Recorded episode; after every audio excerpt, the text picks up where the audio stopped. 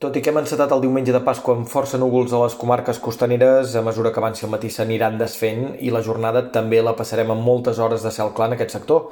Independentment, a la tarda tornaran a créixer nuvolades a les comarques interiors i tot i que és poc probable, no seria estrany que s'escapés algun ruixat curt cap al Solsonès o al Berguedà, tot plegat amb una sensació de primavera avançada menys clara que els últims dies.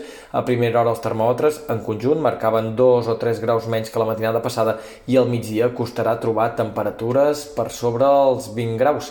Aquest primer descens tèrmic no serà definitiu i demà al migdia recuperarem ben bé un parell de graus. L'entrada d'aire fred que esperàvem per dimarts arribarà amb puntualitat, però inicialment només es farà evident al terç nord del país. Dimarts serà, per tant, una jornada freda al Pirineu, però la resta de Catalunya ens haurem d'esperar dimecres per notar aquest retorn a l'ambient d'hivern amb temperatures diurnes que puntualment arribaran a recular més de 10 graus respecte a les que vam tenir ahir.